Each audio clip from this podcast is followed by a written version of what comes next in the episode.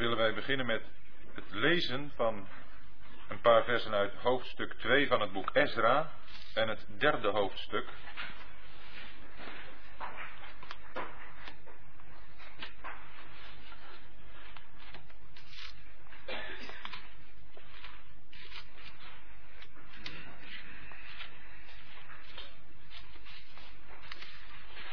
Ezra hoofdstuk 2.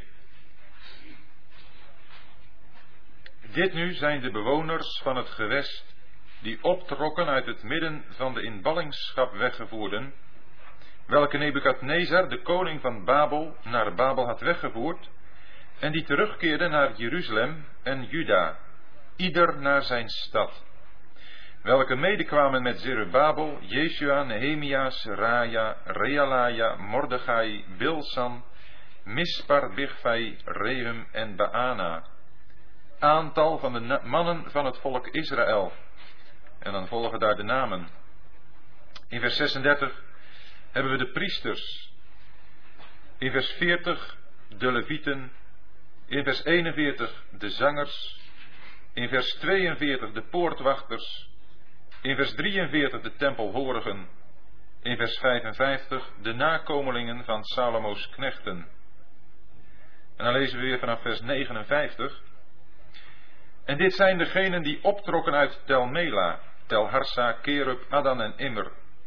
Zij konden echter niet aantonen of hun familie en nakomelingschap tot Israël behoorden.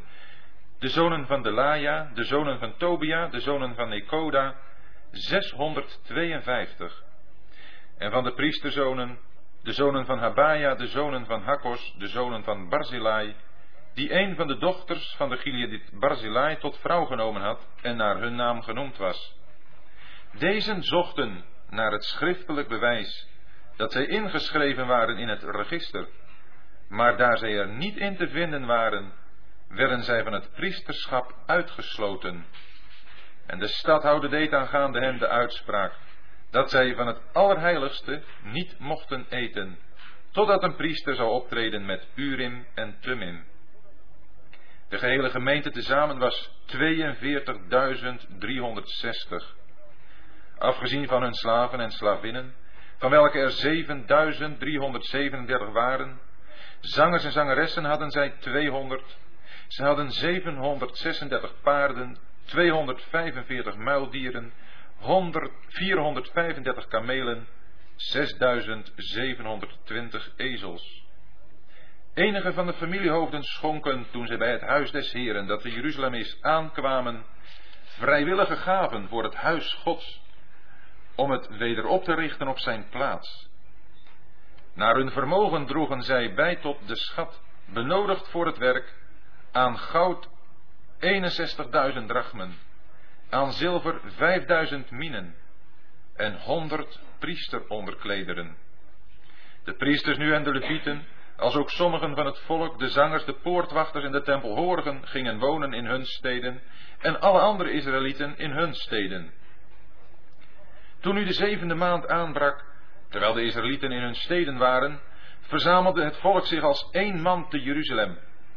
En Jezua, de zoon van Jozedak, met zijn broeders, de priesters, en ook Zerubabel, de zoon van Sealtiel, met zijn broeders, maakten zich op en bouwden het altaar van de God van Israël, om daarop brandoffers te offeren zoals geschreven, voorgeschreven is in de wet van Mozes, de man Gods. Zij richten het altaar op zijn fundamenten op, want vrees voor de volken der landen was over hen gekomen, en zij offerden daarop brandoffers voor de Here, brandoffers voor de morgen en voor de avond.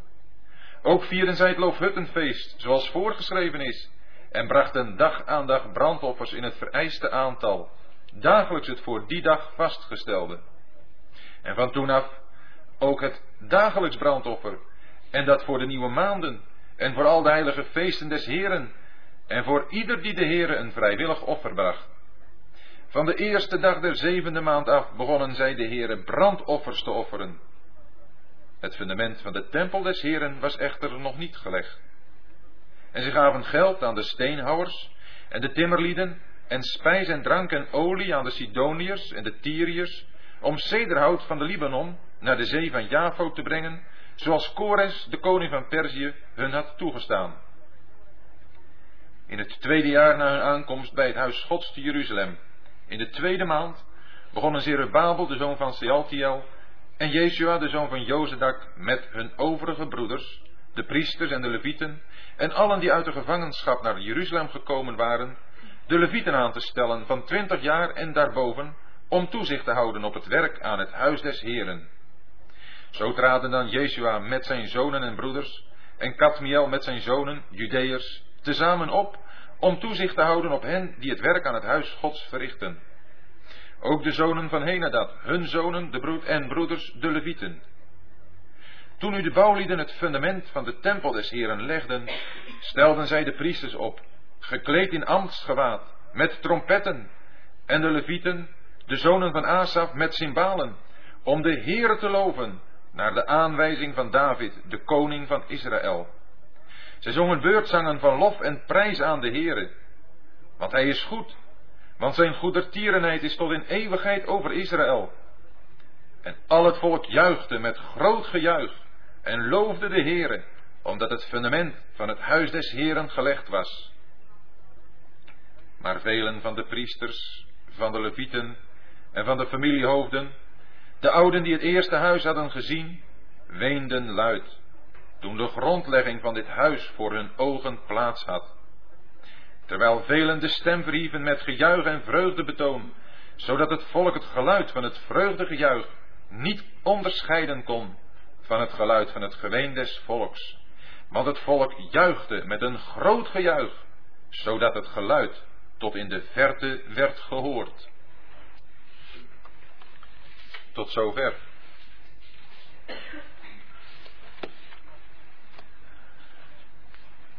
Zoals gezegd is het onderwerp van deze avond, naar aanleiding van de hoofdstukken 2 en 3 van het boek Ezra, de herbouw van de tempel en van het altaar. En met name de herbouw van het altaar neemt in het hoofdstuk wat we in zijn geheel gelezen hebben een heel belangrijke plaats in. De boeken Ezra en Nehemia zijn de boeken die geschreven zijn nadat het volk Israël uit de ballingschap door God is teruggebracht in het beloofde land. Zij waren daar, zoals in de inleiding al opgemerkt, naartoe weggezonden door God, die daarvoor Nebukadnezar had gebruikt vanwege hun zonden. Ze hadden een recht op het erfdeel in Israël, hadden ze verbeurd. En God had hen doen wegvoeren door Nebukadnezar en hen gebracht in het land Babel. En Babel betekent verwarring. Dat kunnen we lezen in Genesis 11. Verwarring. Daar waar niets zeker is. Daar waar de mens een grote plaats heeft. Want weet u wie Babel gesticht heeft? Dat was Nimrod in Genesis 10. Nimrod die een geweldig jager was voor het aangezicht des Heren. Het was een man die bloed aan zijn handen had. Het was een jager. Want de mannen van God in de Bijbel, dat zijn niet de jagers. Dat zijn de herders, zoals Mozes, zoals David. Dat zijn de mannen die God heeft willen gebruiken voor zijn volk en tot zegen voor zijn volk. Maar jagers, dat zijn mensen die het leven nemen, niet die het leven sparen. Wel, deze mensen hebben in Babel alles te vertellen. Mensen die met God en zijn woord geen rekening houden. Ja, die de dingen van God voor zichzelf opeisen. Want met de drie transportaties die hebben plaatsgevonden vanuit het land Israël naar het land van Babel, was de eerste de ergste. Omdat daar meeging alles van het huis des Heren, het hele gerei, dat waarmee God gediend wilde worden. En God heeft het mee laten nemen. En het is in bezit gekomen van deze mensen in Babel. En Nebukadnezar had het laten zetten in de tempel van zijn goden. En we weten wel, de laatste nacht van de heerschappij van het rijk van Babel. Toen Belshazzar koning was. Toen heeft hij dat gerei uit de tempel laten halen. En daarmee de spot willen drijven met de God van Israël. En we weten hoe in die nacht dat rijk van Babel zijn einde heeft gevonden. Belshazzar werd gedood. en de Meden en de Perzen zijn binnengedrongen.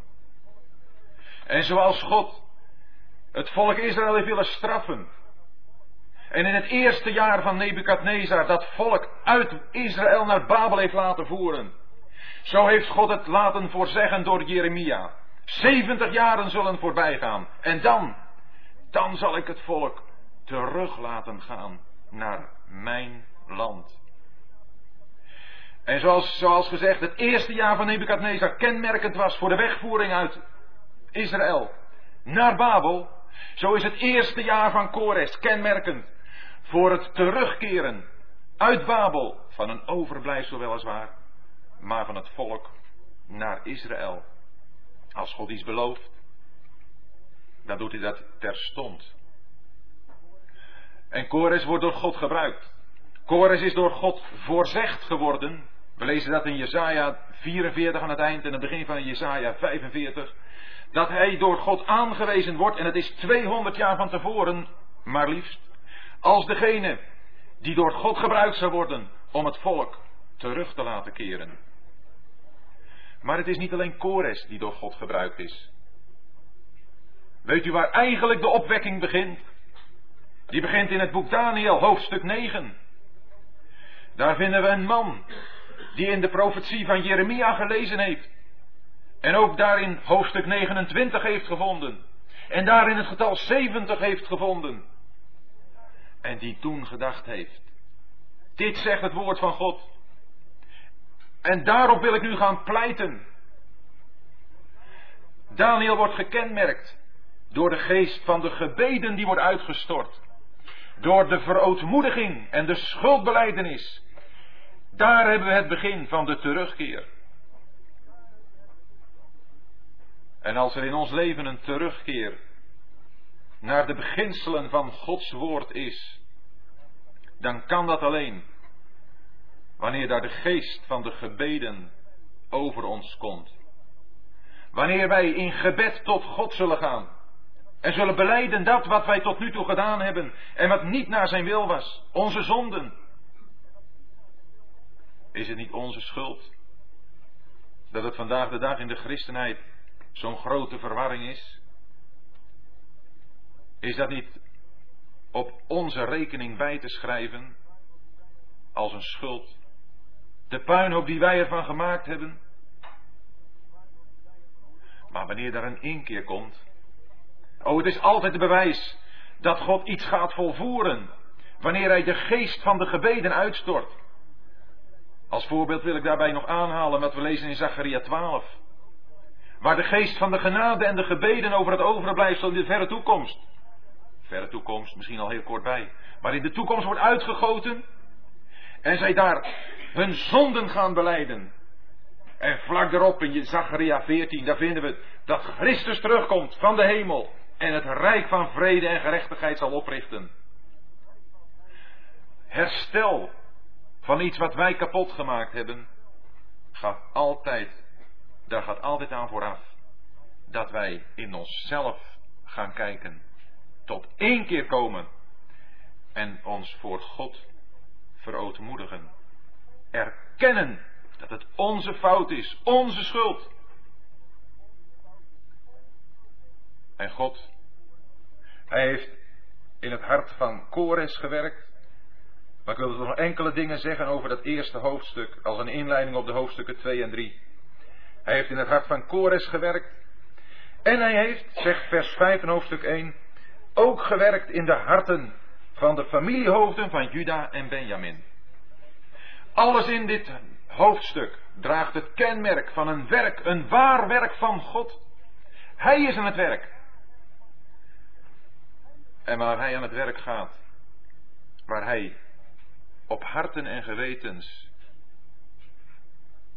inwerkt, daar is het, zoals we in ons gebed gezegd hebben, altijd een zaak van vrijwilligheid.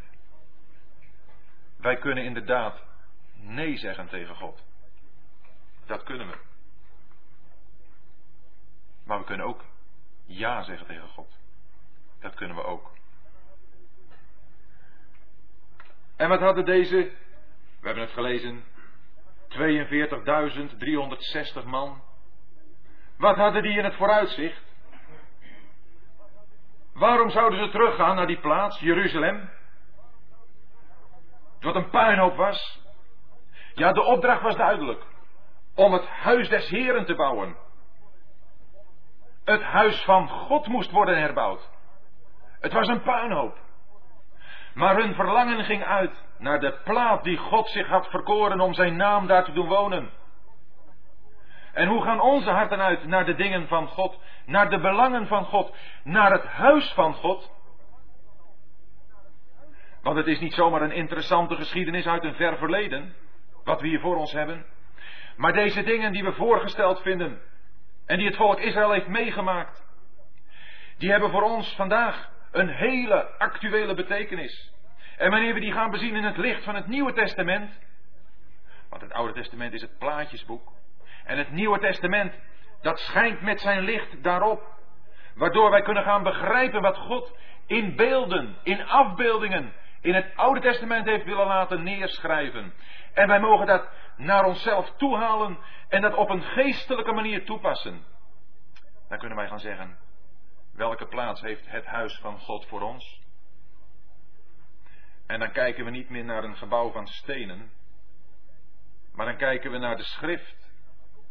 En dan zien we daar dat er ook sprake is van een gebouw, een huis van God.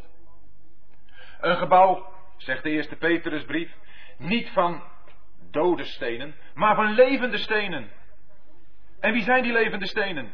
Wel, dat zijn de gelovigen, dat zijn de christenen, de ware kinderen van God. Het eerste Babel werd gekenmerkt door de bouw van een enorme toren van lemen stenen, stenen van deze aarde gemaakt. En dat is wat in de verwarring, in de christenheid, zo ontzettend kenmerkend is. Dat de mens van nature, zonder leven uit God, daar een belangrijke plaats kan hebben. Maar in het huis van God, zoals Hij het zich bouwt, en 1 Timotheus 3 zegt, de gemeente, dat is het huis van God, de gemeente van de levende God. Die gemeente, daar woont God in en daar kan alleen maar dat zijn wat in overeenstemming met Hemzelf is. En wat is met in overeenstemming met Hemzelf? Dat is wat zijn natuur deelachtig is geworden. Zijn natuur heeft gekregen. Dat zijn de ware gelovigen. En de Efezebrief aan het eind zegt: Wordt ook gijzelf mee opgebouwd. Tot een woonplaats van God in de geest. Ziet u? De opdracht naar Jeruzalem. Jeruzalem was, zegt Deuteronomium 12, keer op keer en daarna in het boek Deuteronomium, de plaats die ik verkoren heb om mijn naam daar te doen wonen. Terug daar naartoe. Ja, degenen die een hart hadden voor de Here. En, het nu, en nu het Jeruzalem, hebben wij ook een hart voor de plaats waar de Heere woont. Voor de gemeente.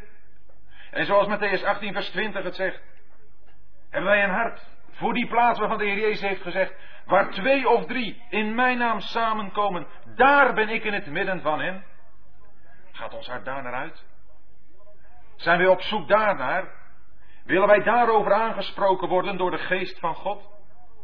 Gaat het ons om hen, om die plaats die Hij zich verkoren heeft en om dat gebouw wat Hij wil dat gestalte krijgt? Nee, dat is niet een zaak die gepaard gaat met enorm veel uiterlijk vertoon. Als we een parallel mogen maken met een andere uittocht, die uit Egypte. Wat was dat voor een uittocht? Dat was een grandioze, een majestueuze uittocht. Daar gingen oordelen van God aan vooraf. Tien plagen. Daar was een staf van Mozes, die de Rode Zee heeft gespleten. Er was een wolkolom zichtbaar, die het volk gevoerd heeft door de woestijn. Er waren voorraadschuren in de hemel die open gingen, elke dag opnieuw. En het hele volk, dat miljoenenvolk, heeft verzadigd. Nou, daar is een sprake van uitgegaan. Want Raagap wist het te vertellen. En de schrik voor dat volk was over het hele land Canaan gevallen. Want de roem van dat volk was vooruitgegaan. Omdat de God van dat volk zich op zo'n geweldige wijze had geopenbaard aan dat volk. En deze mensen, dat handje vol, niets van dat alles. Maar weet u waar ze door gekenmerkt worden? Door geloof. Eenvoudig geloof. En dat geloof heeft zich gericht op dezelfde God die het hele volk uit Egypte heeft uitgevoerd. En ze zijn er gekomen in het land.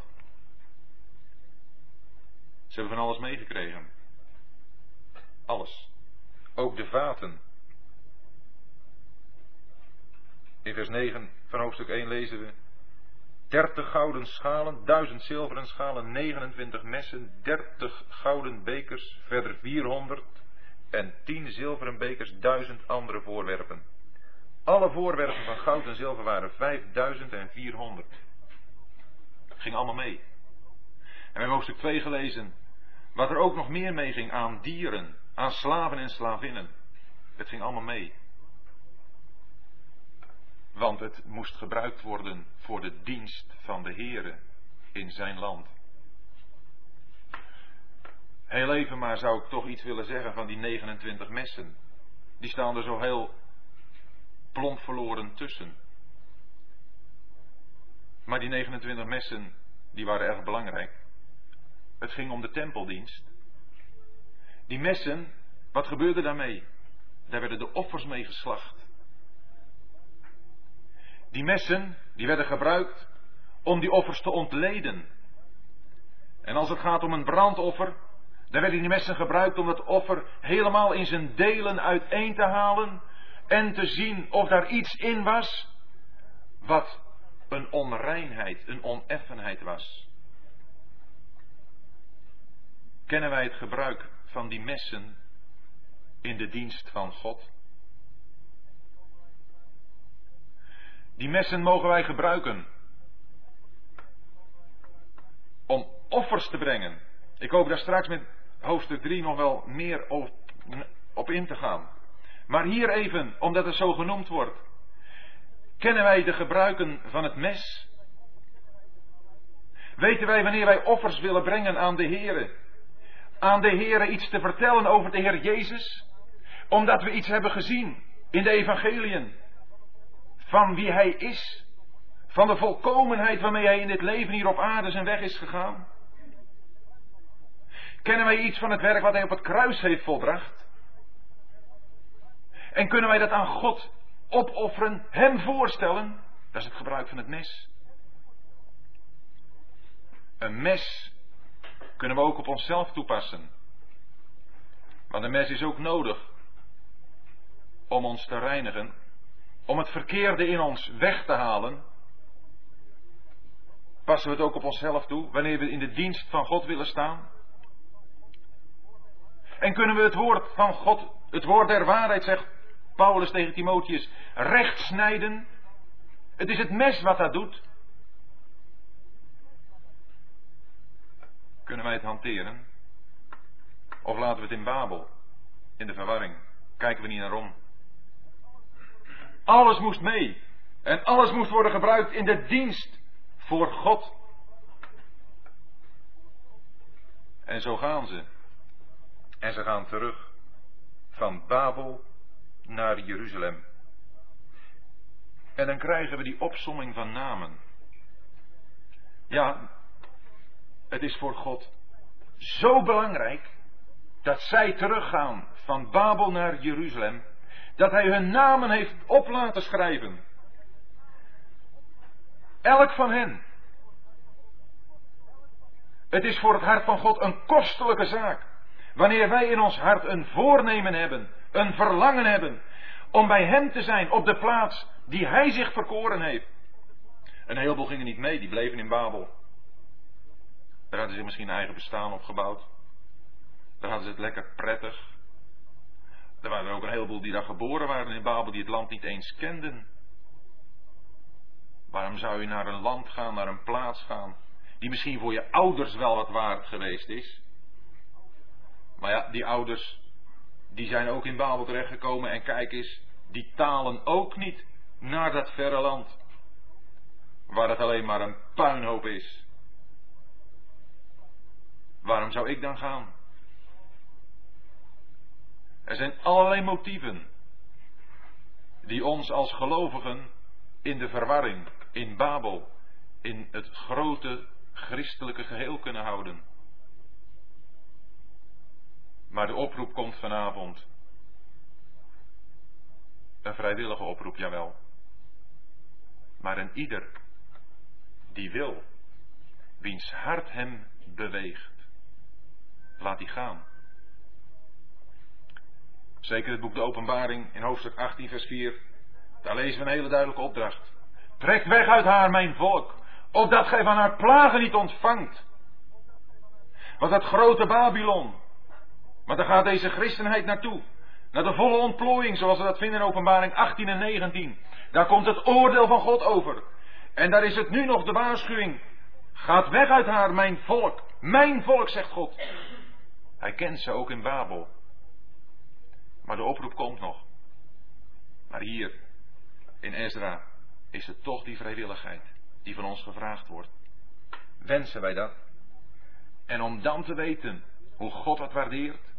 Oh, God waardeert het. Wanneer wij de zekerheden waarop we gebouwd hebben willen prijsgeven.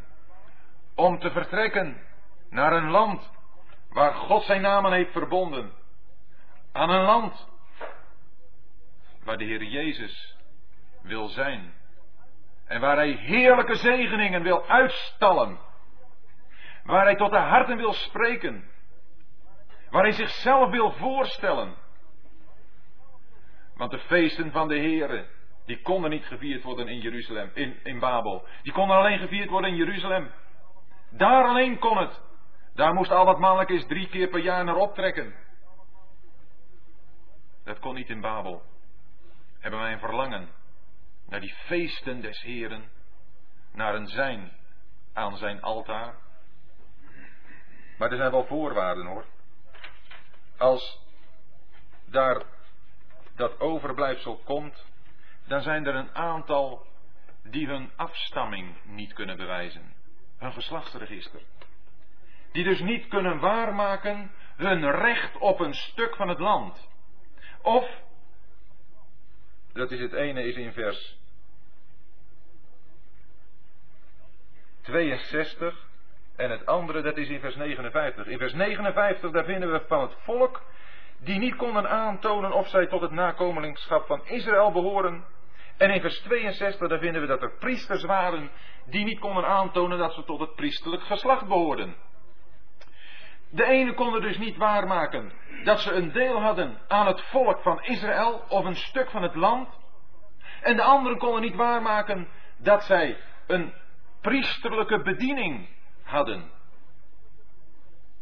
En zijn er ook vandaag niet veel christenen die in de onzekerheid verkeren of zij wel tot het volk van God behoren?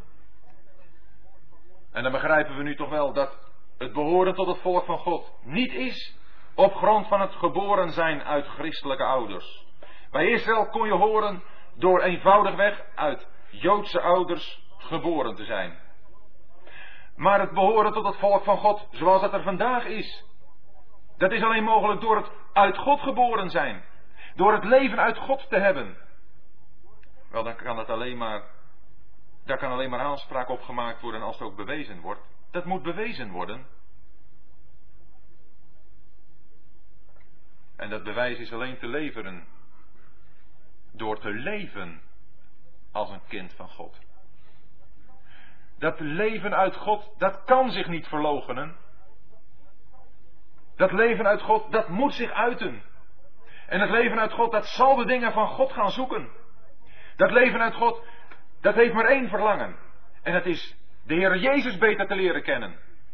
En te doen wat Hij vraagt.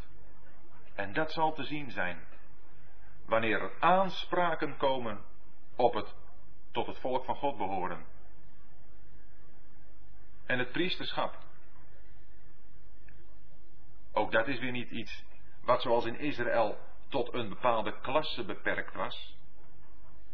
In Israël was het inderdaad zo. Daar was Aaron en zijn nageslacht uitverkoren om het priesterschap voor de Here te bedienen.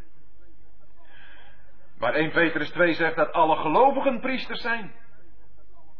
Dat allen die leven uit God hebben, tot het priesterlijk geslacht behoren. En God verwacht van ons allemaal, voor zover we hier zitten en gelovigen, kinderen van God zijn, het leven uit God hebben. God verwacht van ons dat wij priesterschap uitoefenen. Dat wil zeggen, wat doet een priester? Een priester brengt offers. En een priester die vertelt aan God wie de Heer Jezus is. En hij stelt de Heer Jezus aan God voor in dat wat hij in hem heeft mogen vinden door het bezig zijn met het woord van God. En zo brengt hij offers aan God. Maar het is alleen te doen door hen die wareachtig kind van God zijn.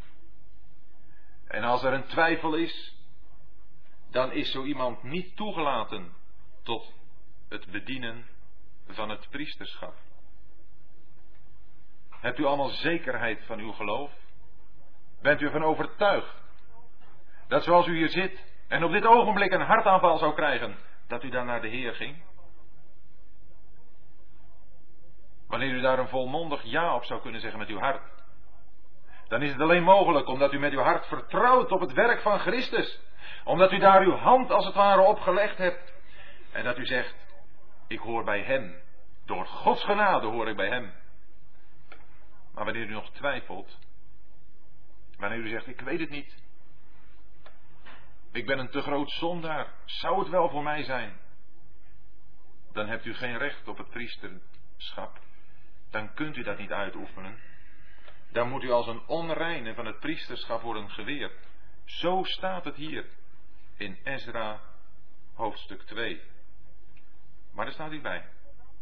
Ze moesten wachten totdat er een priester met Urim en Tumim opstond. Dus je hoeft niet te wanhopen.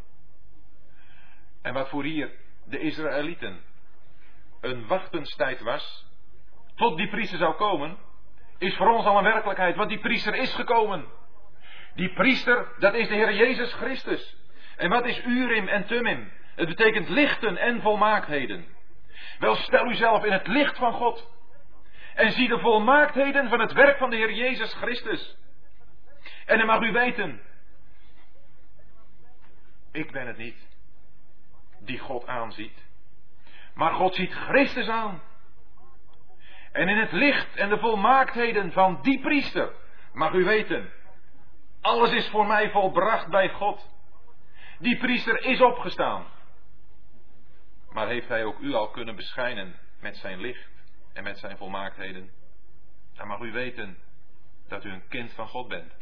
Dan mag u weten, de eerste keer dat u uw zonden hebt beleden, erkend hebt voor God in oprecht berouw, dat de eerste keer God u het leven uit zichzelf gaf en u tot de familie van Gods kinderen behoorde en u ook recht hebt om het priesterschap te bedienen. De familiehoofden, zegt vers 68, die gingen iets aan de Heere schenken. In vers 68 staat, enigen van de familiehoofden schonken toen ze bij het huis des Heeren dat de Jeruzalem is aankwamen, vrijwillige gaven voor het huis Gods, om het weder op zijn plaats op te richten. En daar staat in vers 68, toen zij bij het huis des Heren te Jeruzalem aankwamen. Was er iets van te zien dan? Het was toch een puinhoop? Het was toch neergehaald? Ja, maar voor het geloof was het er. Dat is juist zo mooi. Waar door ons menselijk oog niets te zien is, daar ontwaart het geloof wat van God is. Daar ontwaart het geloof wat we in de Bijbel vinden als het huis van God. Dan is er toch een huis van God, ondanks het weinige wat we ervan zien, ondanks de puinhoop die wij ervan gemaakt hebben. Want dan gaan wij rekenen met God en hoe hij het ziet. Wel, dan is zijn oog gericht op die gemeente. Die gemeente van de eerstgeborenen, zoals de Hebreeënbrief het zegt. En dan ziet hij ze, dan kent hij ze overal. En is het antwoord van ons hart ook dat wij dan gaan geven? Dat wij mee willen helpen om het huis des Heren te bouwen? Kost offers, kost je wat, maar ze gaven het vrijwillig.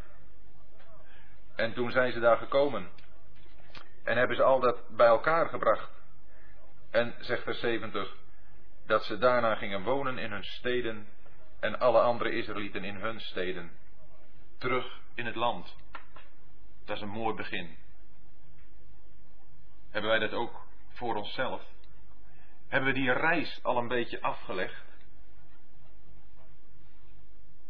De verwarring de rug toegekeerd? Het bewustzijn ontvangen dat we kinderen van God zijn? Het priesterdienst, het de priesterdienst mogen verrichten. En dat wij een verlangen krijgen om het huis van de Heere te bouwen. En weet u, toch was het nog niet zo ver.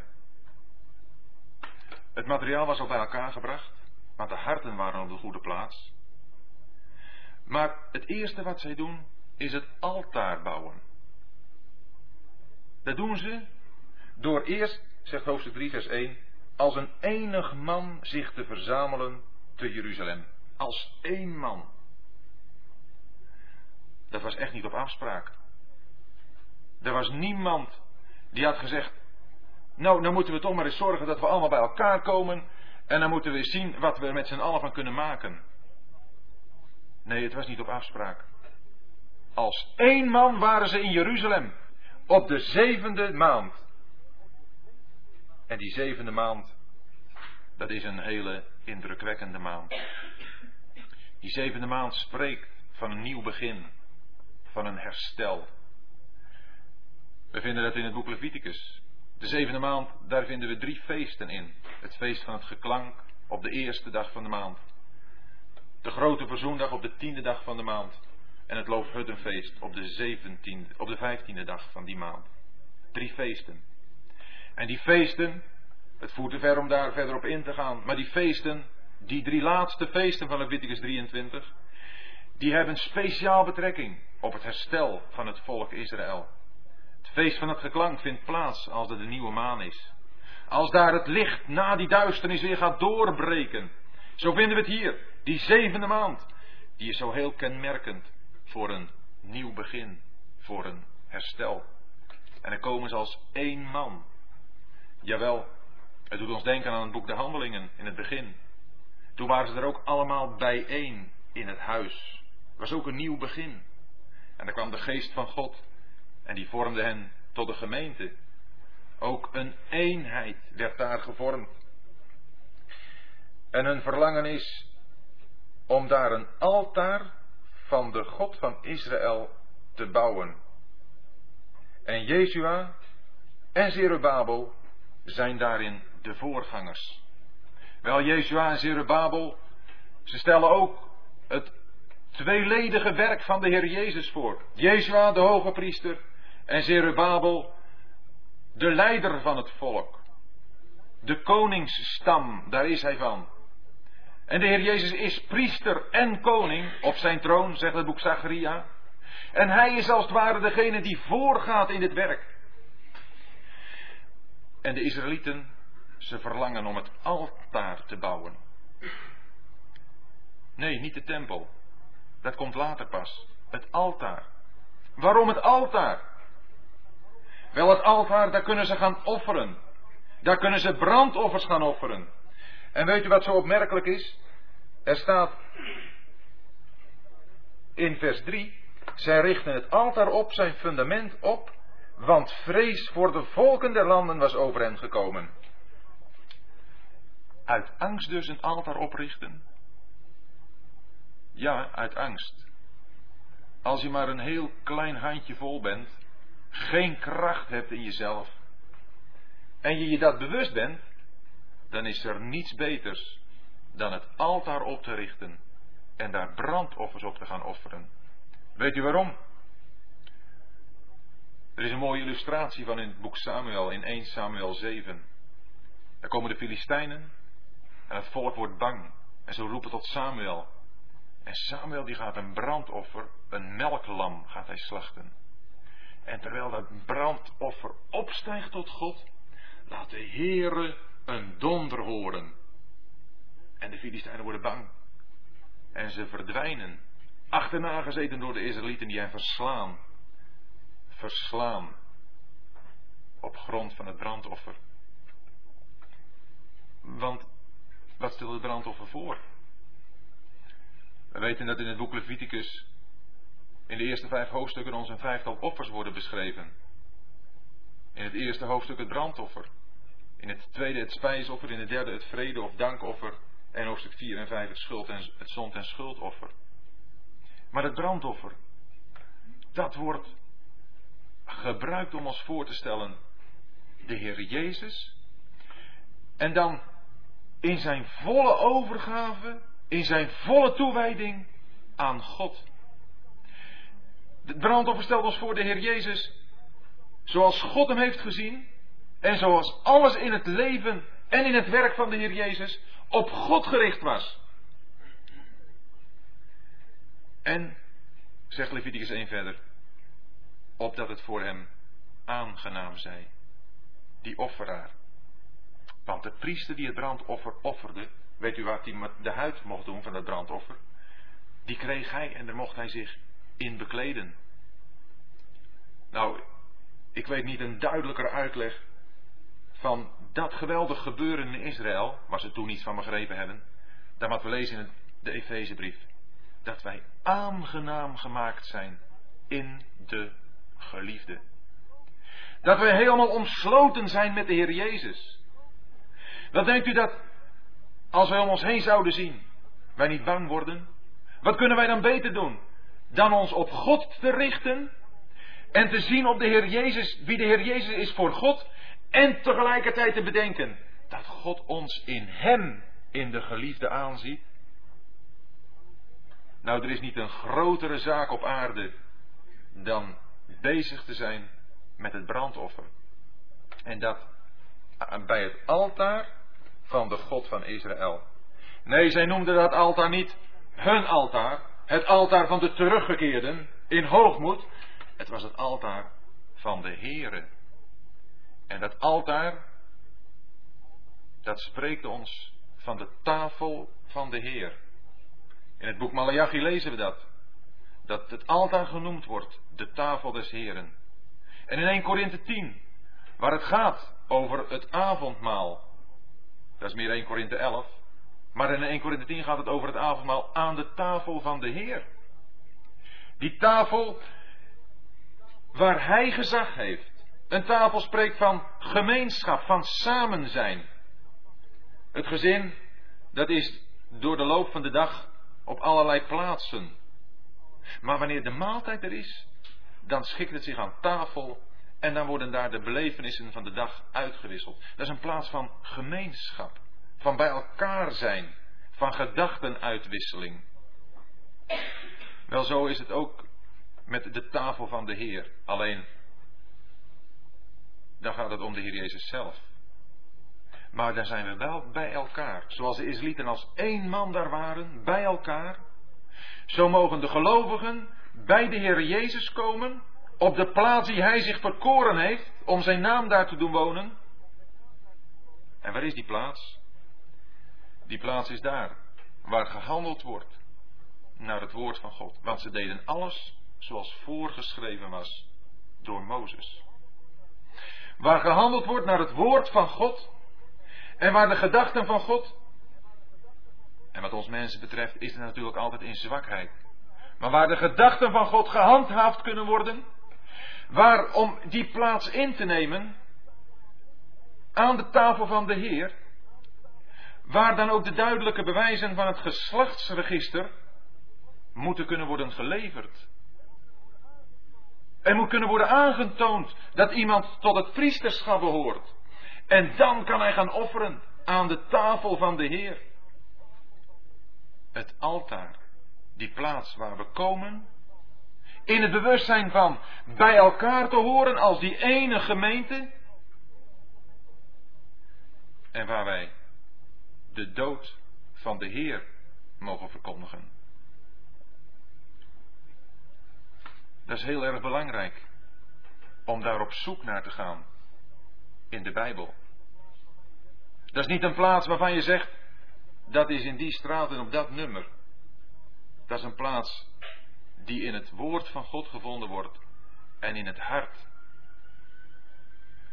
Hebben wij in ons hart de vraag naar de plaats van de naam, de plaats waar God van gezegd heeft, daar heb ik mijn naam doen wonen.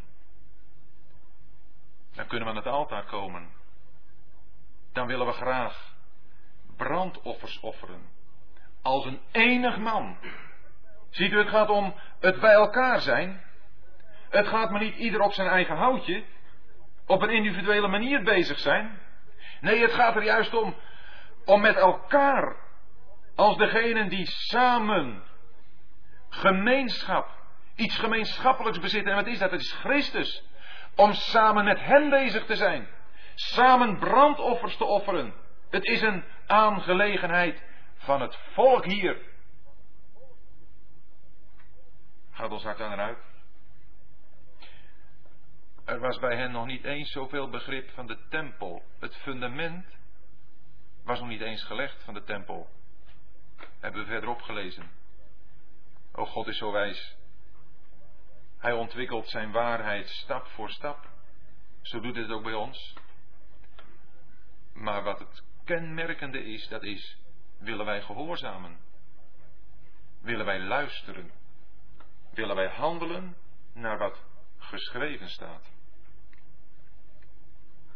En dan lezen we dat het eerste wat zij doen is het altaar op zijn fundament weer oprichten. Wel, niemand kan een ander fundament leggen dan wat er ligt. Dat is Jezus Christus. Daar gaat het alleen om. Maar willen we dan ook bij dat altaar, als het opgericht is, op die plaats, waar de gemeenschap van Gods kinderen genoten mag worden, willen wij daar dan ook zijn om die brandoffers te offeren. Beginnen met de bouw van het huis van God. Dat komt daarna. Wanneer we hebben gezien wat het werk van de Heer Jezus in zijn brandofferkarakter voor God betekent. Dat Hij alles is voor het hart van God. En dat wij in Hem aangenaam gemaakt zijn. Die plaats mogen kennen en genieten voor ons hart. Dan zal ons hart ook uitgaan naar het huis van God. Naar de gemeente. Wel in die gemeente, daar wordt het niet naar ons eigen inzicht overgelaten ook. Hoe wij daarin hebben te handelen, hoe wij daarmee hebben te handelen. Nee, iedereen heeft daar zijn eigen plaats. En in de eerste plaats worden de levieten aangesteld om toezicht te houden op de bouw van het huis van God. Wat zijn dat voor de mensen, die levieten? Levieten, die waren gegeven aan de priesters. De levieten die moesten de priesters helpen met het offeren de levieten, dat waren de dienstknechten. Die gegeven waren om te helpen. En zo zijn er ook vandaag dienstknechten. Gelovigen die mogen helpen andere gelovigen om hen te leren offeren. En ook dat er onderwijs wordt gegeven met betrekking tot het huis van God. Weet u hoeveel er in Israël waren aangekomen. Een handje vol hoor. 74.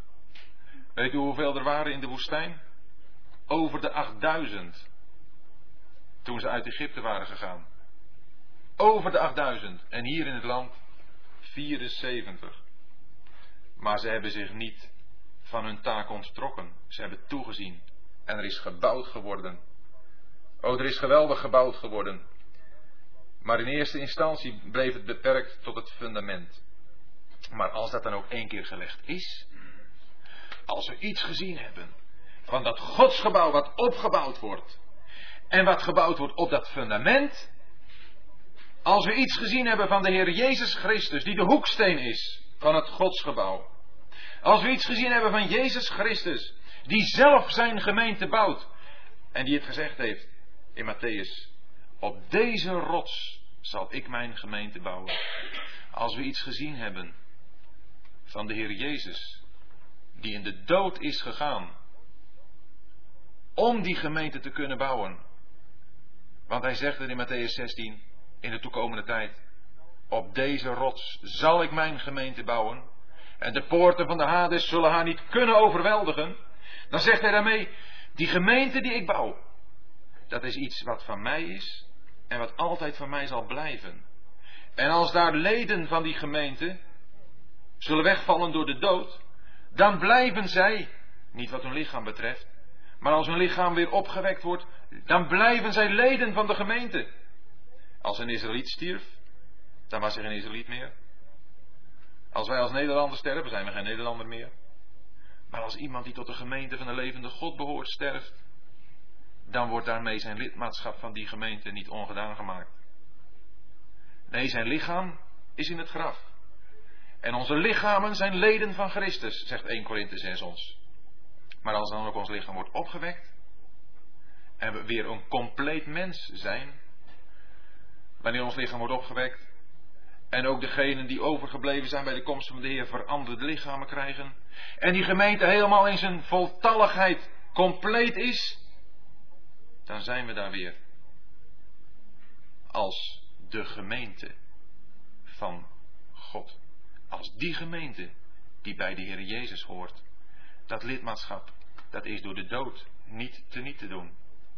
Wel het fundament, dat heeft de Heer Jezus gelegd. Hij is de rots op wie het gebouw wordt opgetrokken. En wie op hem gebouwd is, die kan onmogelijk daar weer van afgehaald worden.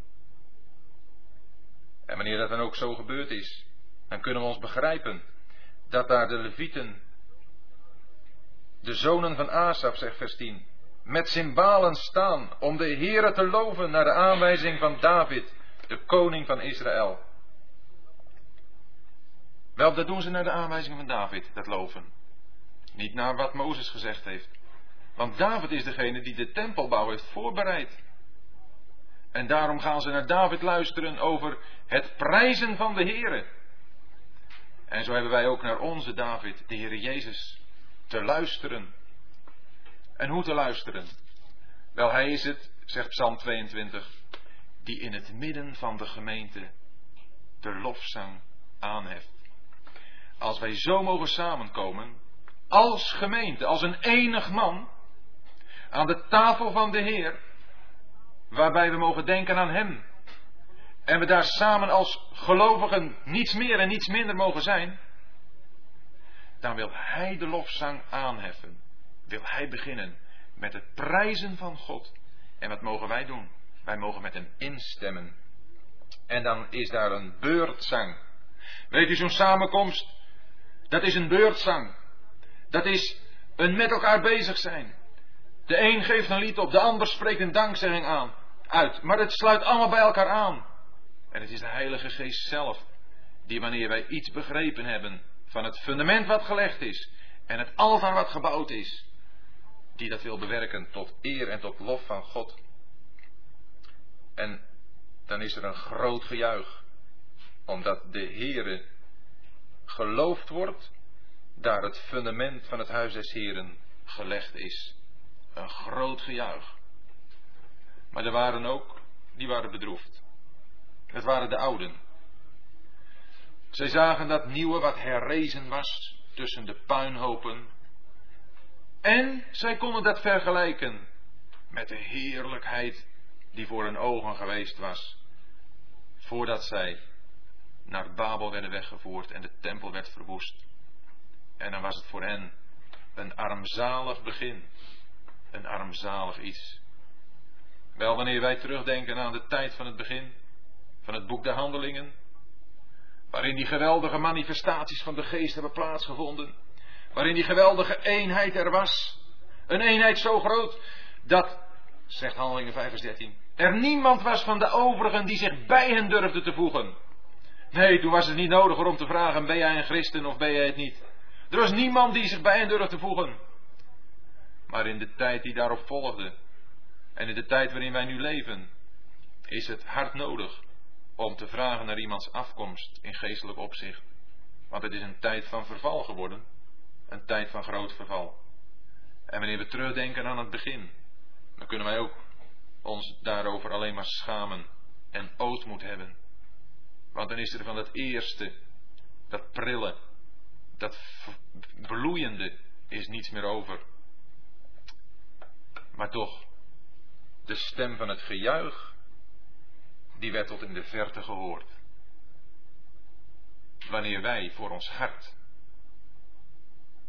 naar de plaats terugkeren die de Heere in zijn grote genade, ondanks alle verval en ondanks alle puinhopen, nog heeft gelaten, dan zal daarvan het gevolg een grote vreugde zijn. En dan zal hij worden geprezen, dan zal hij worden aangebeden voor zijn oneindige genade, dat hij in een tijd waarin wij alles verprutst, alles verbruikt hebben, toch nog zo'n plaats geeft. Laten we hem zoeken in het boek van God. Hij is te vinden.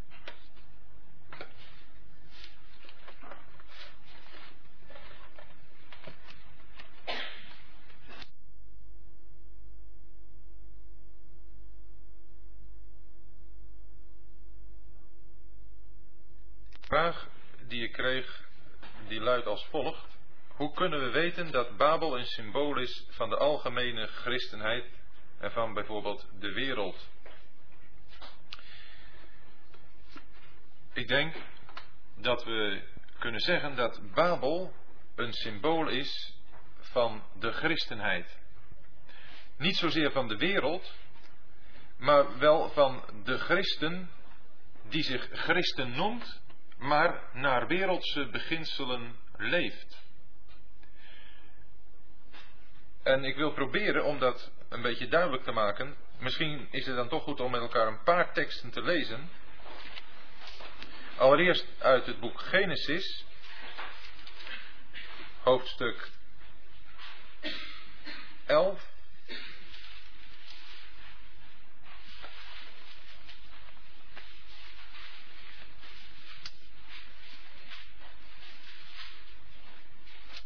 Genesis 11.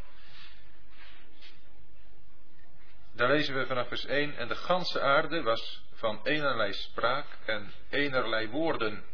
Maar het geschiedde als zij tegen het oosten togen, dat ze een laagte vonden in het land Sinear.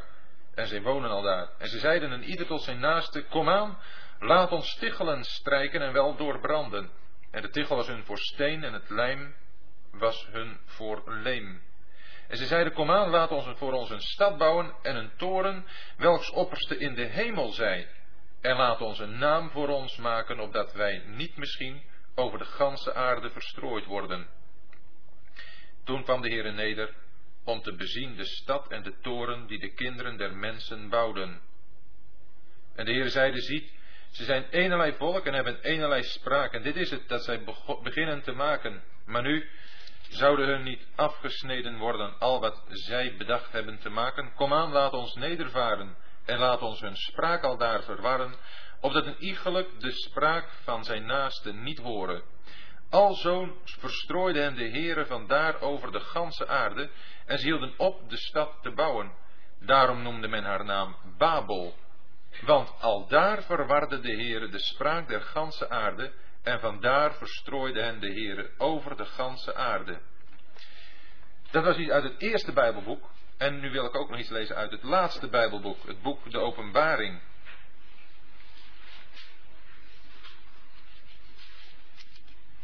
Allereerst uit hoofdstuk 17.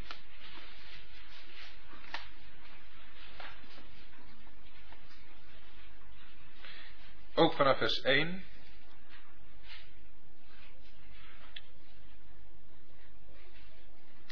En een van de zeven engelen die de zeven schalen hadden, kwam en sprak met mij. En hij zei, kom, ik zal u tonen het oordeel over de grote hoer die op vele wateren zit, met wie de koningen van de aarde gehoereerd hebben. En zij die de aarde bewonen, zijn dronken geworden van de wijn van haar hoererij. Vers 5. En op haar voorhoofd was een naam geschreven: Verborgenheid, het grote Babylon, de moeder van de hoeren en van de gruwelen der aarde.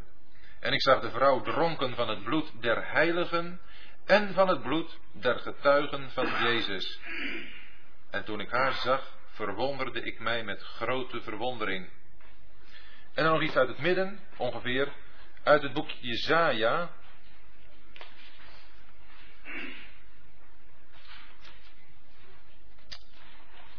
Jezaja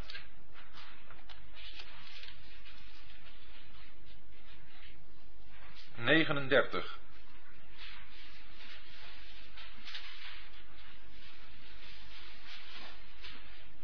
Dat heeft wat meer betrekking op ons onderwerp. Jezaja 39 ook vanaf vers 1. Te dien tijd zond Merodach Baladan, de zoon van Baladan, de koning van Babel, brieven en een geschenk aan Hiskia, want hij had gehoord dat hij krank geweest en weer sterk geworden was. En Hiskia verblijde zich over hen en hij toonde hun zijn schathuis, het zilver en het goud en de specerijen en de beste olie en zijn ganse wapenhuis en al wat gevonden werd in zijn schatten. Er was geen ding in zijn huis, noch in zijn ganse heerschappij dat Hiskia hun niet toonde. Toen kwam de profeet Jezaja tot de koning Hiskia en zei tot hem, wat hebben die mannen gezegd en van waar zijn zij tot u gekomen?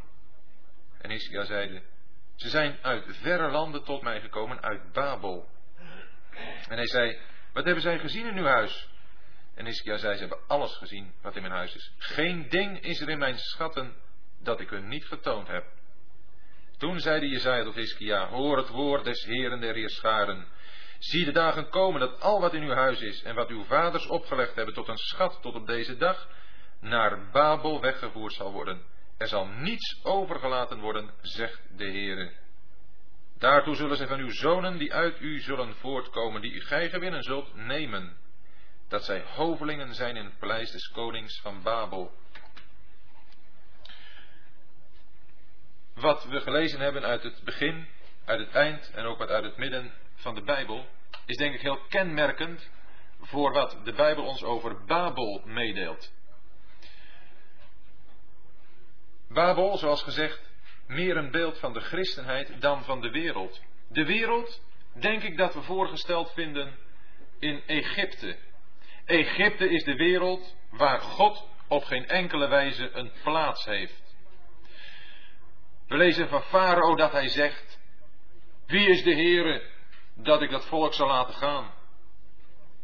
Farao heeft met God helemaal niets te maken, wilde ook niets mee te maken hebben, wilde niet kennen.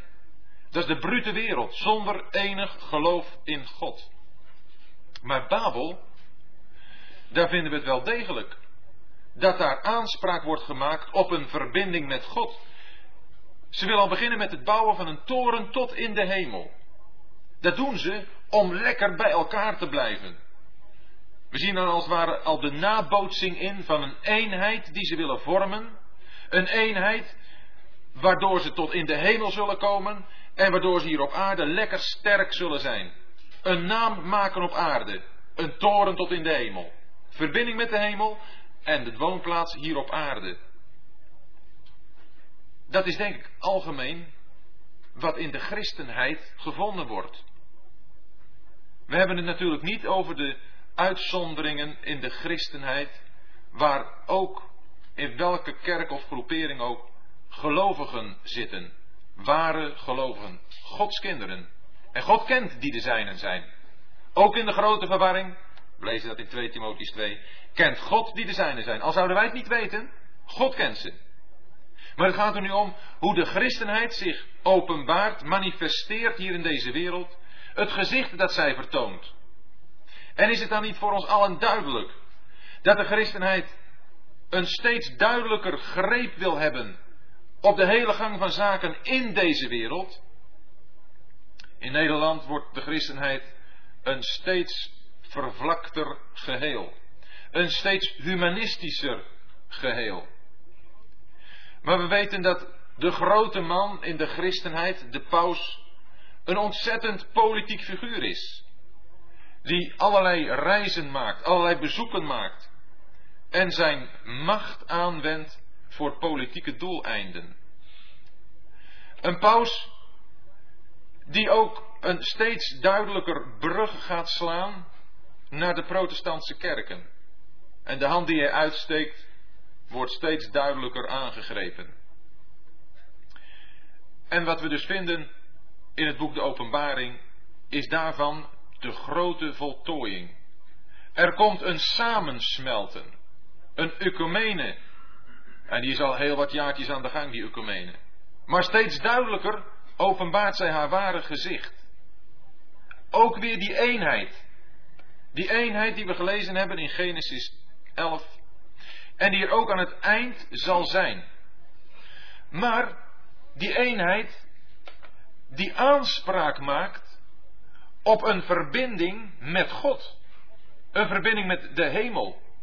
Het is niet voor niets dat in Openbaring 17 en 18 eerst het oordeel beschreven wordt over deze vrouw, Babylon, en die genoemd wordt de grote hoer.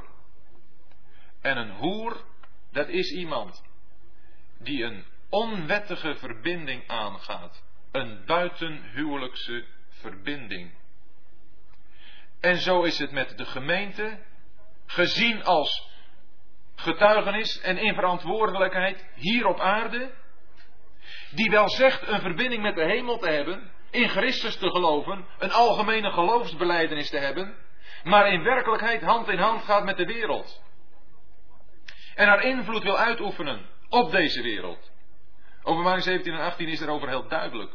Zij heeft gehoereerd met de koningen der aarde. Ze heeft daar zelfs een poosje op gezeten. Ze heeft zelfs een poosje de lakens uitgedeeld. Maar in die tijd gaan we haar toe. Als de gemeente is weggenomen, dan zal daar het Romeinse Rijk hersteld worden. En dan zullen we zien welke macht het pausdom heeft. Maar een pausdom dat dan in zich bergt ook alle protestantse kerken. De grote beleidende lichamen. Waar dan wel, om niet verkeerd begrepen te worden, alle ware gelovigen eerst uit zijn weggehaald door de komst van de Heer. Maar zo stelt de Bijbel ons Babel voor. En wat hebben wij daar op dit ogenblik mee te maken? Wat hebben we gelezen in de geschiedenis van Hiskia. Hiskia die was door een wonder van God tot genezing gekomen. En daar komt een gezantschap uit Babel. Hiskia zeer gevleid met dat hoge bezoek toont hem al zijn schatten. En er is geen woord bij van de Heere. Weet u wat levensgevaarlijk voor ons is? De vleierijen van de christelijke wereld. En dan gaat het me helemaal niet om of het ware gelovigen zijn of ongelovigen. Maar zij in het algemeen die tot de beleidende christenheid behoren en in de verwarring zijn.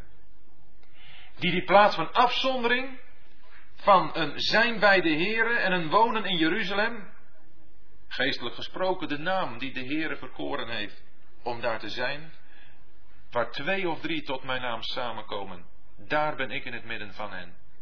En het is ook weer niet een etiket wat je eens even rustig plakt op alles samenkomen van één of van twee of drie gelovigen, om het even met wat voor doel. Nee, de naam geeft heel uitdrukkelijk weer het gezag van de persoon.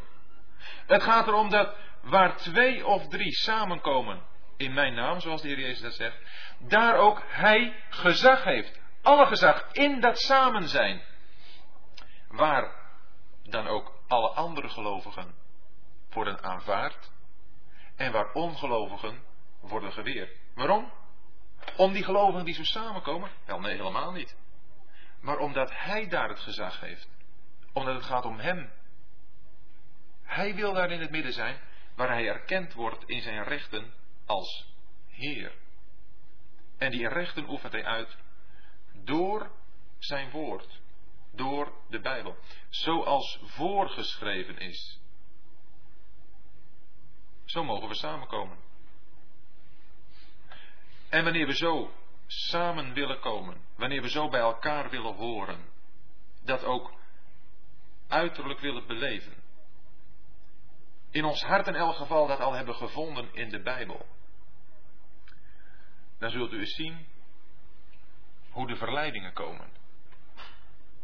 En ik zal u vertellen dat er heel wat gelovigen die in de Bijbel, in het woord van God hebben gezien, hebben gevonden voor hun hart, dat er een plaats is buiten alles wat de mens gevestigd heeft, teruggehouden zijn daarvan, omdat vanuit de verwarring, vanuit Babel, vanuit de christenheid de stem kwam. Maar joh, je kunt hier nog voor zoveel tot nut zijn. Je kunt hier nog zo tot een zegen zijn. Als jij weggaat, wat blijft er dan over? Maar denk erom dat het listen zijn. Denk erom dat het vleierij is. En Hiskia, hij is voor de bijl gegaan. Ja, we hebben gezegd de zonde van het volk. Dat is de oorzaak ervan dat Israël werd weggevoerd naar Babel. Maar de directe aanleiding was wat Hiskia heeft gedaan. Hij heeft niet in eenvoudig vertrouwen op de Heere deze mensen uit Babel verteld, de Heer heeft me beter gemaakt. Maar hij was zeer gevleid en heeft al zijn schatten laten zien. En zo is het volk van God weggevoerd. En alles van het volk van God. En de hele dienst van God. Weg naar Babel. Er was niets meer over. Maar dat is triest. Hebben we de ogen nog open voor de vleierijen van Babel? Waardoor wat werkelijk van God is, wordt weggevoerd. En daarom ben ik ervan overtuigd dat Babel de christelijke wereld voorstelt. Niet de wereld zoals Egypte, waar met God geen rekening gehouden wordt. Maar daar waar wel met de mond rekening met God gehouden wordt, maar met de daad daar niets van te zien is. Genesis 11 en Openbaringen 17 en 18 zijn erover heel duidelijk. Waar een betrekking met God en met de Heer Jezus beleden wordt. Maar waar het woord van God duidelijk over zegt, het is hoererij. Het is overspel. Het kan voor mij niet bestaan. En het oordeel erover komt. En dan in hoofdstuk 19 van het boek De Openbaring vinden we de bruiloft van het lam. Nadat heel duidelijk is geworden dat wat hier op aarde is overgebleven, nadat de gemeente, de ware gelovigen zijn opgenomen, dat dat geen enkele aanspraak heeft op verbinding met God en op verbinding met de Heer Jezus. Het oordeel gaat daarover. En nu komt dan nog de oproep. Trekt weg uit haar, mijn volk, opdat gij van haar plagen niet ontvangt. En opdat gij met haar zonden geen gemeenschap hebt. Want het is een onmogelijke zaak om daar te blijven waar u bent in de verwarring en om dan vrij te blijven. Ik heb iets aangehaald uit 1 Korinthe 10. En daar lezen we over gemeenschap hebben met het altaar. Gemeenschap hebben met de tafel van de duivelen. En nu is niet elke tafel in de christenheid natuurlijk een tafel der duivelen. Maar het is wel een tafel van die of die groep, of die of die groep. En alles wat daar in die groep gevonden wordt, wanneer er aan die tafel wordt deelgenomen, daar hebt u gemeenschap mee. U kunt niet zeggen, ik blijf daar vrij van. Gods woord zegt dat wanneer u, en laten we het maar heel rechtuit zeggen, wanneer u gemeenschap hebt in de broodbreking, in de avondmaalsviering, met allen die gereformeerd misschien zijn, ik weet niet waar u vandaan komt, dus wat dat kan ik heel, heel onbevangen spreken. Maar dan hebt u ook gemeenschap met mensen die de godheid van Christus logenen. Dan hebt u ook gemeenschap met hen die openlijk schriftkritiek uitoefenen. U kunt daarvan niet vrij blijven. Gods woord zegt: weg, want anders hebt u met haar zonden gemeenschap. Dat is een heel ernstig woord. En dat moet u voor uzelf maar eens overwegen. En gaat u maar eens lezen in 1 Korinthe 10. Hoe belangrijk het is om de ware gemeenschap aan de tafel van de Heer, het altaar, te genieten. Los van de menselijke instellingen, los van de menselijke organisaties en alleen bij de Heer te zijn. En zoals vanavond gezegd, dat is niet een plaats die uitblinkt door geweldige geestelijke kracht.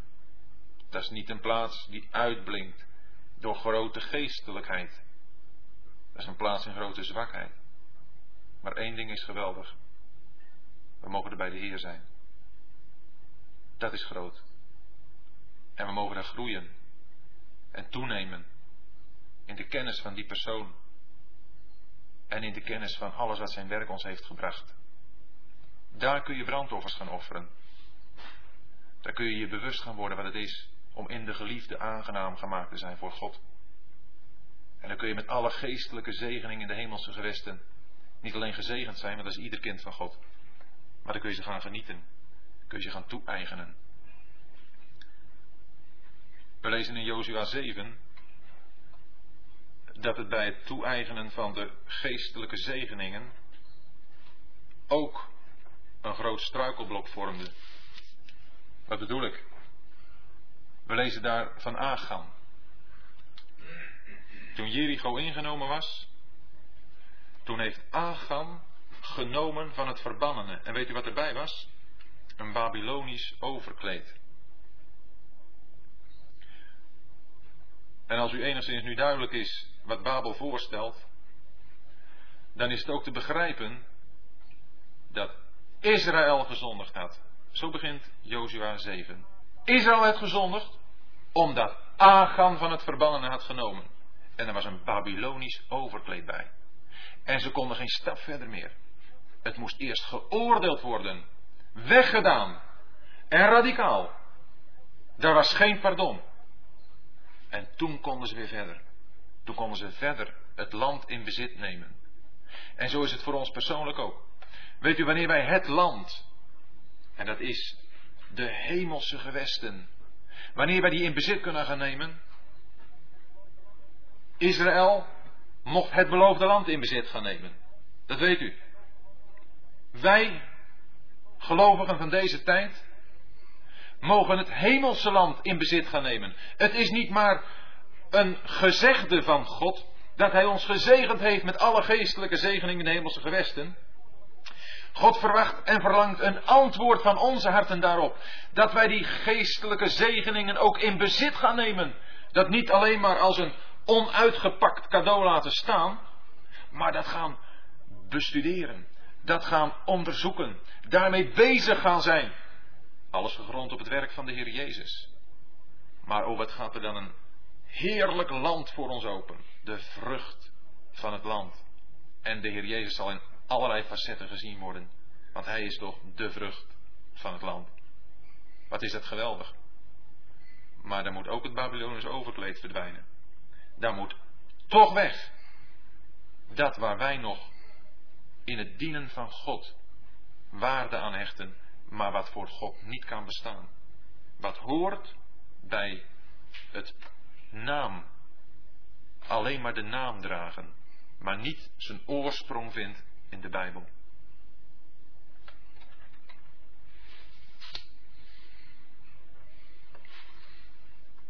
De tweede vraag. Na onze wedergeboorte dacht ik dat we wedergeboren, dat we werden geboren in een priesterlijk geslacht. U sprak over priesterdienst. Op welke manier moeten we dat zien? A. Gelijk na de wedergeboorte. B. Na priesterwijding of heiliging. Misschien kunnen we ook hier even nog lezen wat we vinden in 1 Petrus 2.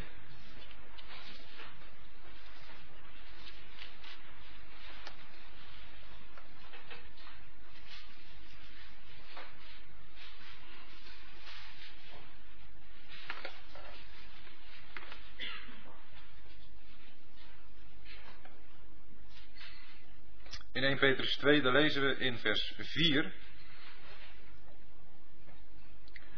Komende tot hem, een levende steen, door mensen wel verworpen, maar bij God uitverkoren, kostbaar, wordt ook gij zelf als levende stenen gebouwd, een geestelijk huis, een heilig priesterdom, om geestelijke offeranden te offeren die aangenaam zijn voor God door Jezus Christus.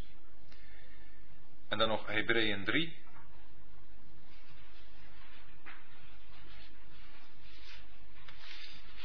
Hebreeën 3, het zesde vers. Voor het verband vanaf vers 5. En Mozes was wel trouw in heel zijn huis als dienaar tot getuigenis van wat gesproken zou worden, maar Christus als zoon over zijn huis, wiens huis wij zijn, als wij tenminste de vrijmoedigheid en het roem in de hoop tot het einde toe onwrikbaar vasthouden. En het verband maakt duidelijk dat het gaat daar om het huis van priesters. Wanneer ik gesproken heb over priesterdienst, dan kan het alleen maar zijn in verbinding met het feit dat we een priesterlijk geslacht zijn. Dat priesterlijk geslacht, daartoe treden wij toe op het ogenblik van onze wedergeboorte. Althans, wanneer we wedergeboorte niet alleen maar beperken tot een innerlijk tot overtuiging gekomen zijn van onze zonden en dat wij voor God niet kunnen bestaan, maar ook, en dat is toch een stap verder, dat dat op grond van het werk van de Heer Jezus nu voorbij is. Het is niet alleen maar zo dat wij voor God weten zondaren te zijn, maar vooral ook, en daarop volgend, dat wij weten door God aangenomen te zijn. Op grond van het werk van zijn zoon, wat hij heeft volbracht op het kruis. De Romeinenbrief aan het eind van het vierde hoofdstuk zegt dat de Heer Jezus is overgegeven om onze overtredingen. Daar hebben we het, wij waren zondaars. En daarvoor was het nodig dat de Heer Jezus overgegeven werd. En hij stierf op het kruis. En dan nam mijn zonden op zich. Maar er komt iets achteraan. En dat hij is opgewekt om onze rechtvaardiging. Dat betekent dat de opstanding van de Heer Jezus het volkomen bewijs is dat God zijn werk heeft aangenomen. Dat er met betrekking tot mijn zonden geen enkele vraag meer hoeft te zijn hoe God daarmee gehandeld heeft. Die heeft hij eens voor altijd geoordeeld in Christus. En doordat hij Christus uit de doden heeft opgewekt, weet ik dat God die zonden van mij niet meer gedenkt. Nee, het gaat nog verder. Ik ben rechtvaardig. Gerechtvaardigd. En de Romeinenbrief maakt ons duidelijk dat dat betekent dat God mij nu verenigd, verbonden ziet met Christus. En mij ziet als iemand die nooit gezondigd heeft. Dat vindt u een boute uitspraak misschien. Maar dat lezen we. Dat lezen we in Romeinen. Die is rechtens vrij van de zonde. Wat ik in mijzelf ben, van nature, dat bestaat voor God niet meer. Ik zeg, voor God bestaat dat niet meer. Dat is namelijk de hele brief van de Romeinen die ons dat duidelijk maakt. Hoe ik als zondig mens, hier op aarde levend en in mijn zonden, hoe ik voor God rechtvaardig kon worden. Kon ik dat als zondig mens? Kunt u dat als zondig mens? En zolang u dat probeert, blijft u worstelen met de Romeinen 7. Dan bent u een mens die in het moeras zit en er niet uit kunt komen. Ik, ellendig mens. Wie zal mij verlossen van het lichaam van de dood? Ja, dan bent u wel overtuigd van het feit dat u een zondaar bent. Maar dan hebt u geen enkele kracht om te doen wat God vraagt. Nee, de oplossing is afzien van jezelf en zien op Christus. Want Hij heeft het gedaan. Want wat voor de wet onmogelijk was, dat deed God door zijn zoon te zenden. In de gelijkheid aan het vlees van de zonde en voor de zonde te zenden. En de wet van de geest des levens in Christus Jezus heeft mij vrijgemaakt van de wet van de dood. En nu ziet God mij in Christus en verenigt met Hem. En wat ik ben van nature, dat heeft zijn oplossing gevonden in Christus, want Hij stierf voor mij. En wat ik nu mag zijn voor God, dat is een nieuw mens. En denkt u dat die nieuwe mens iets met zonde te doen heeft? Dat is onmogelijk. Dat kan niet. Dat is ten ene uitgesloten. God neemt niets van de oude mens aan. Helemaal niets. Er is niets wat in verbinding met God kan zijn. En wat nog zijn oorsprong heeft in het zondige van de oude mens. Alleen met het nieuwe. En dat nieuwe dat gegrond is op het werk van Christus. En op zijn persoon kan God van doen hebben. Daarom durf ik zeggen dat wie in Christus is, een nieuwe schepping. Durf ik niet het schrift gelaten. En die nieuwe schepping, dat is iets wat met de zonde niets te doen heeft. En wanneer u weet een kind van God te zijn, dan mag u weten dat u voor God een nieuwe schepping bent. En die nieuwe schepping, daar is niets van de zonde in. Niet een angeltje. Helemaal niets. Als dat zo was, dan was het werk van de Heer Jezus niet compleet. Het is iets totaal nieuws. Accepteren we dat? Als we dat geaccepteerd hebben, zijn we een priesterlijk geslacht. Misschien begrijpen we er nog niet alles van, dat doe ik ook niet. Maar we weten wel dat God mij ziet in verbinding met het werk van Christus. En dat werk is zo volkomen, zo af. Daar kan nooit meer iets aan de waarde daarvan veranderen. Nooit meer iets daarvan inboeten. Nooit meer één zonde kan door dat werk, door dat bloed heen dringen en weer voor God geplaatst worden. Dat is onmogelijk. Maar dan betekent dat dat we in een hele nieuwe staat voor God gesteld zijn. En dan heeft God met ons leven een doel. En het is dat Hij van ons ontvangt de vrucht van onze lippen. Dat wij Hem offeren. Varren van onze lippen, zegt Hosea. Dat wij Hem gaan vertellen wie de Heer Jezus is. Weet u, als wij hier op aarde een plaats mogen hebben van gemeenschap aan de tafel van de Heer, dan is dat niet omdat wij het daar zo fijn hebben, dat hebben we, maar dan is het vooral omdat God hier op aarde al iets wil genieten. Deze aarde die vervloekt is. Een wereld die met hem geen rekening houdt. Een christelijke wereld die naar het oordeel gaat. Dat hier op aarde iets gezien wordt voor God. Waar zijn hart naar verlangt, naar uitgaat. Wat in de eeuwigheid volkomen volmaakt zal zijn. Daar is helemaal niets meer van die verdeeldheid, van die verwarring. Maar dan is dat hij iets wil ontvangen. Uit onze harten van de Heer Jezus. Openbaringen 5 maakt het zo heel mooi duidelijk dat daar het lam is staande als geslacht. In het midden van de troon ik een lam staan als geslacht. Dat kunnen we trouwens nog wel even lezen, want ook daar gaat het over priesters, bedenk ik me ineens.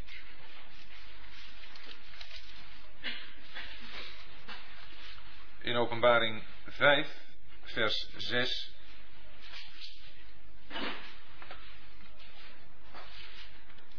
Misschien eerst openbaring 1, vers 5. In het midden, openbaring 1, vers 5. Hem die ons lief heeft en ons van onze zonden gewassen heeft in zijn bloed. En ons gemaakt heeft tot een koningschap, tot priesters voor zijn God en Vader. Hem zij de heerlijkheid en de kracht tot in alle eeuwigheid. Amen. En openbaring 5, vers 6. En ik zag in het midden van de troon en van de vier dieren, en in het midden van de oudsten een lam, staan als geslacht.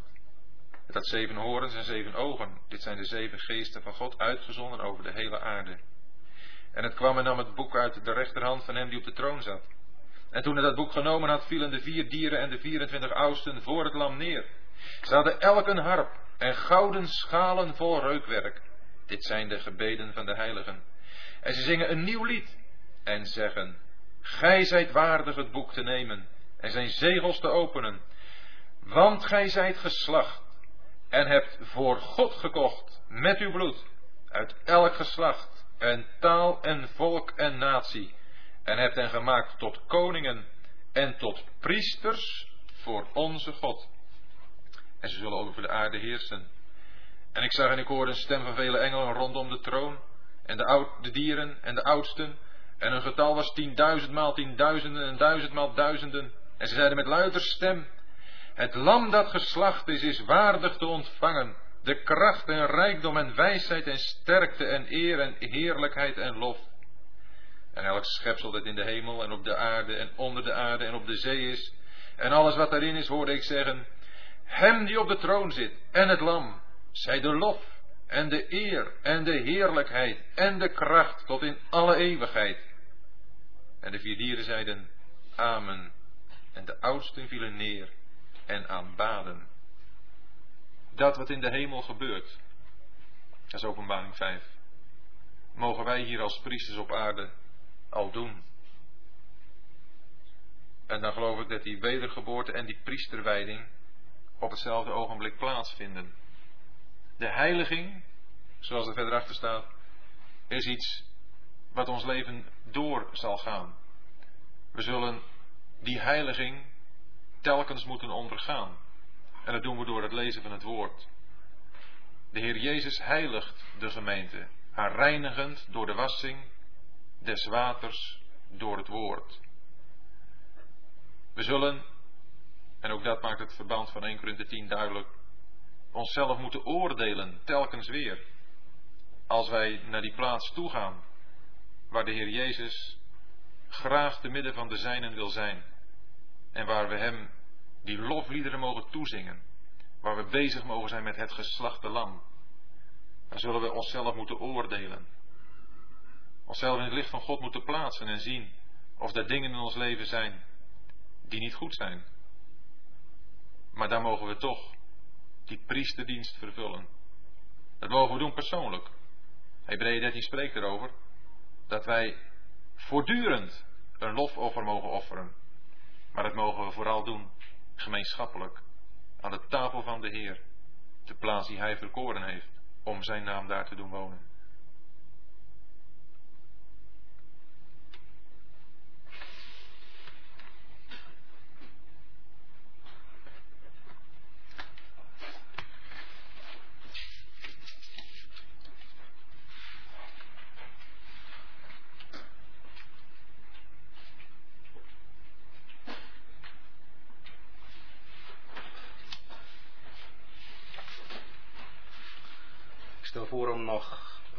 Te zingen voordat we Heer danken. Lied 19, het eerste en het tweede couplet.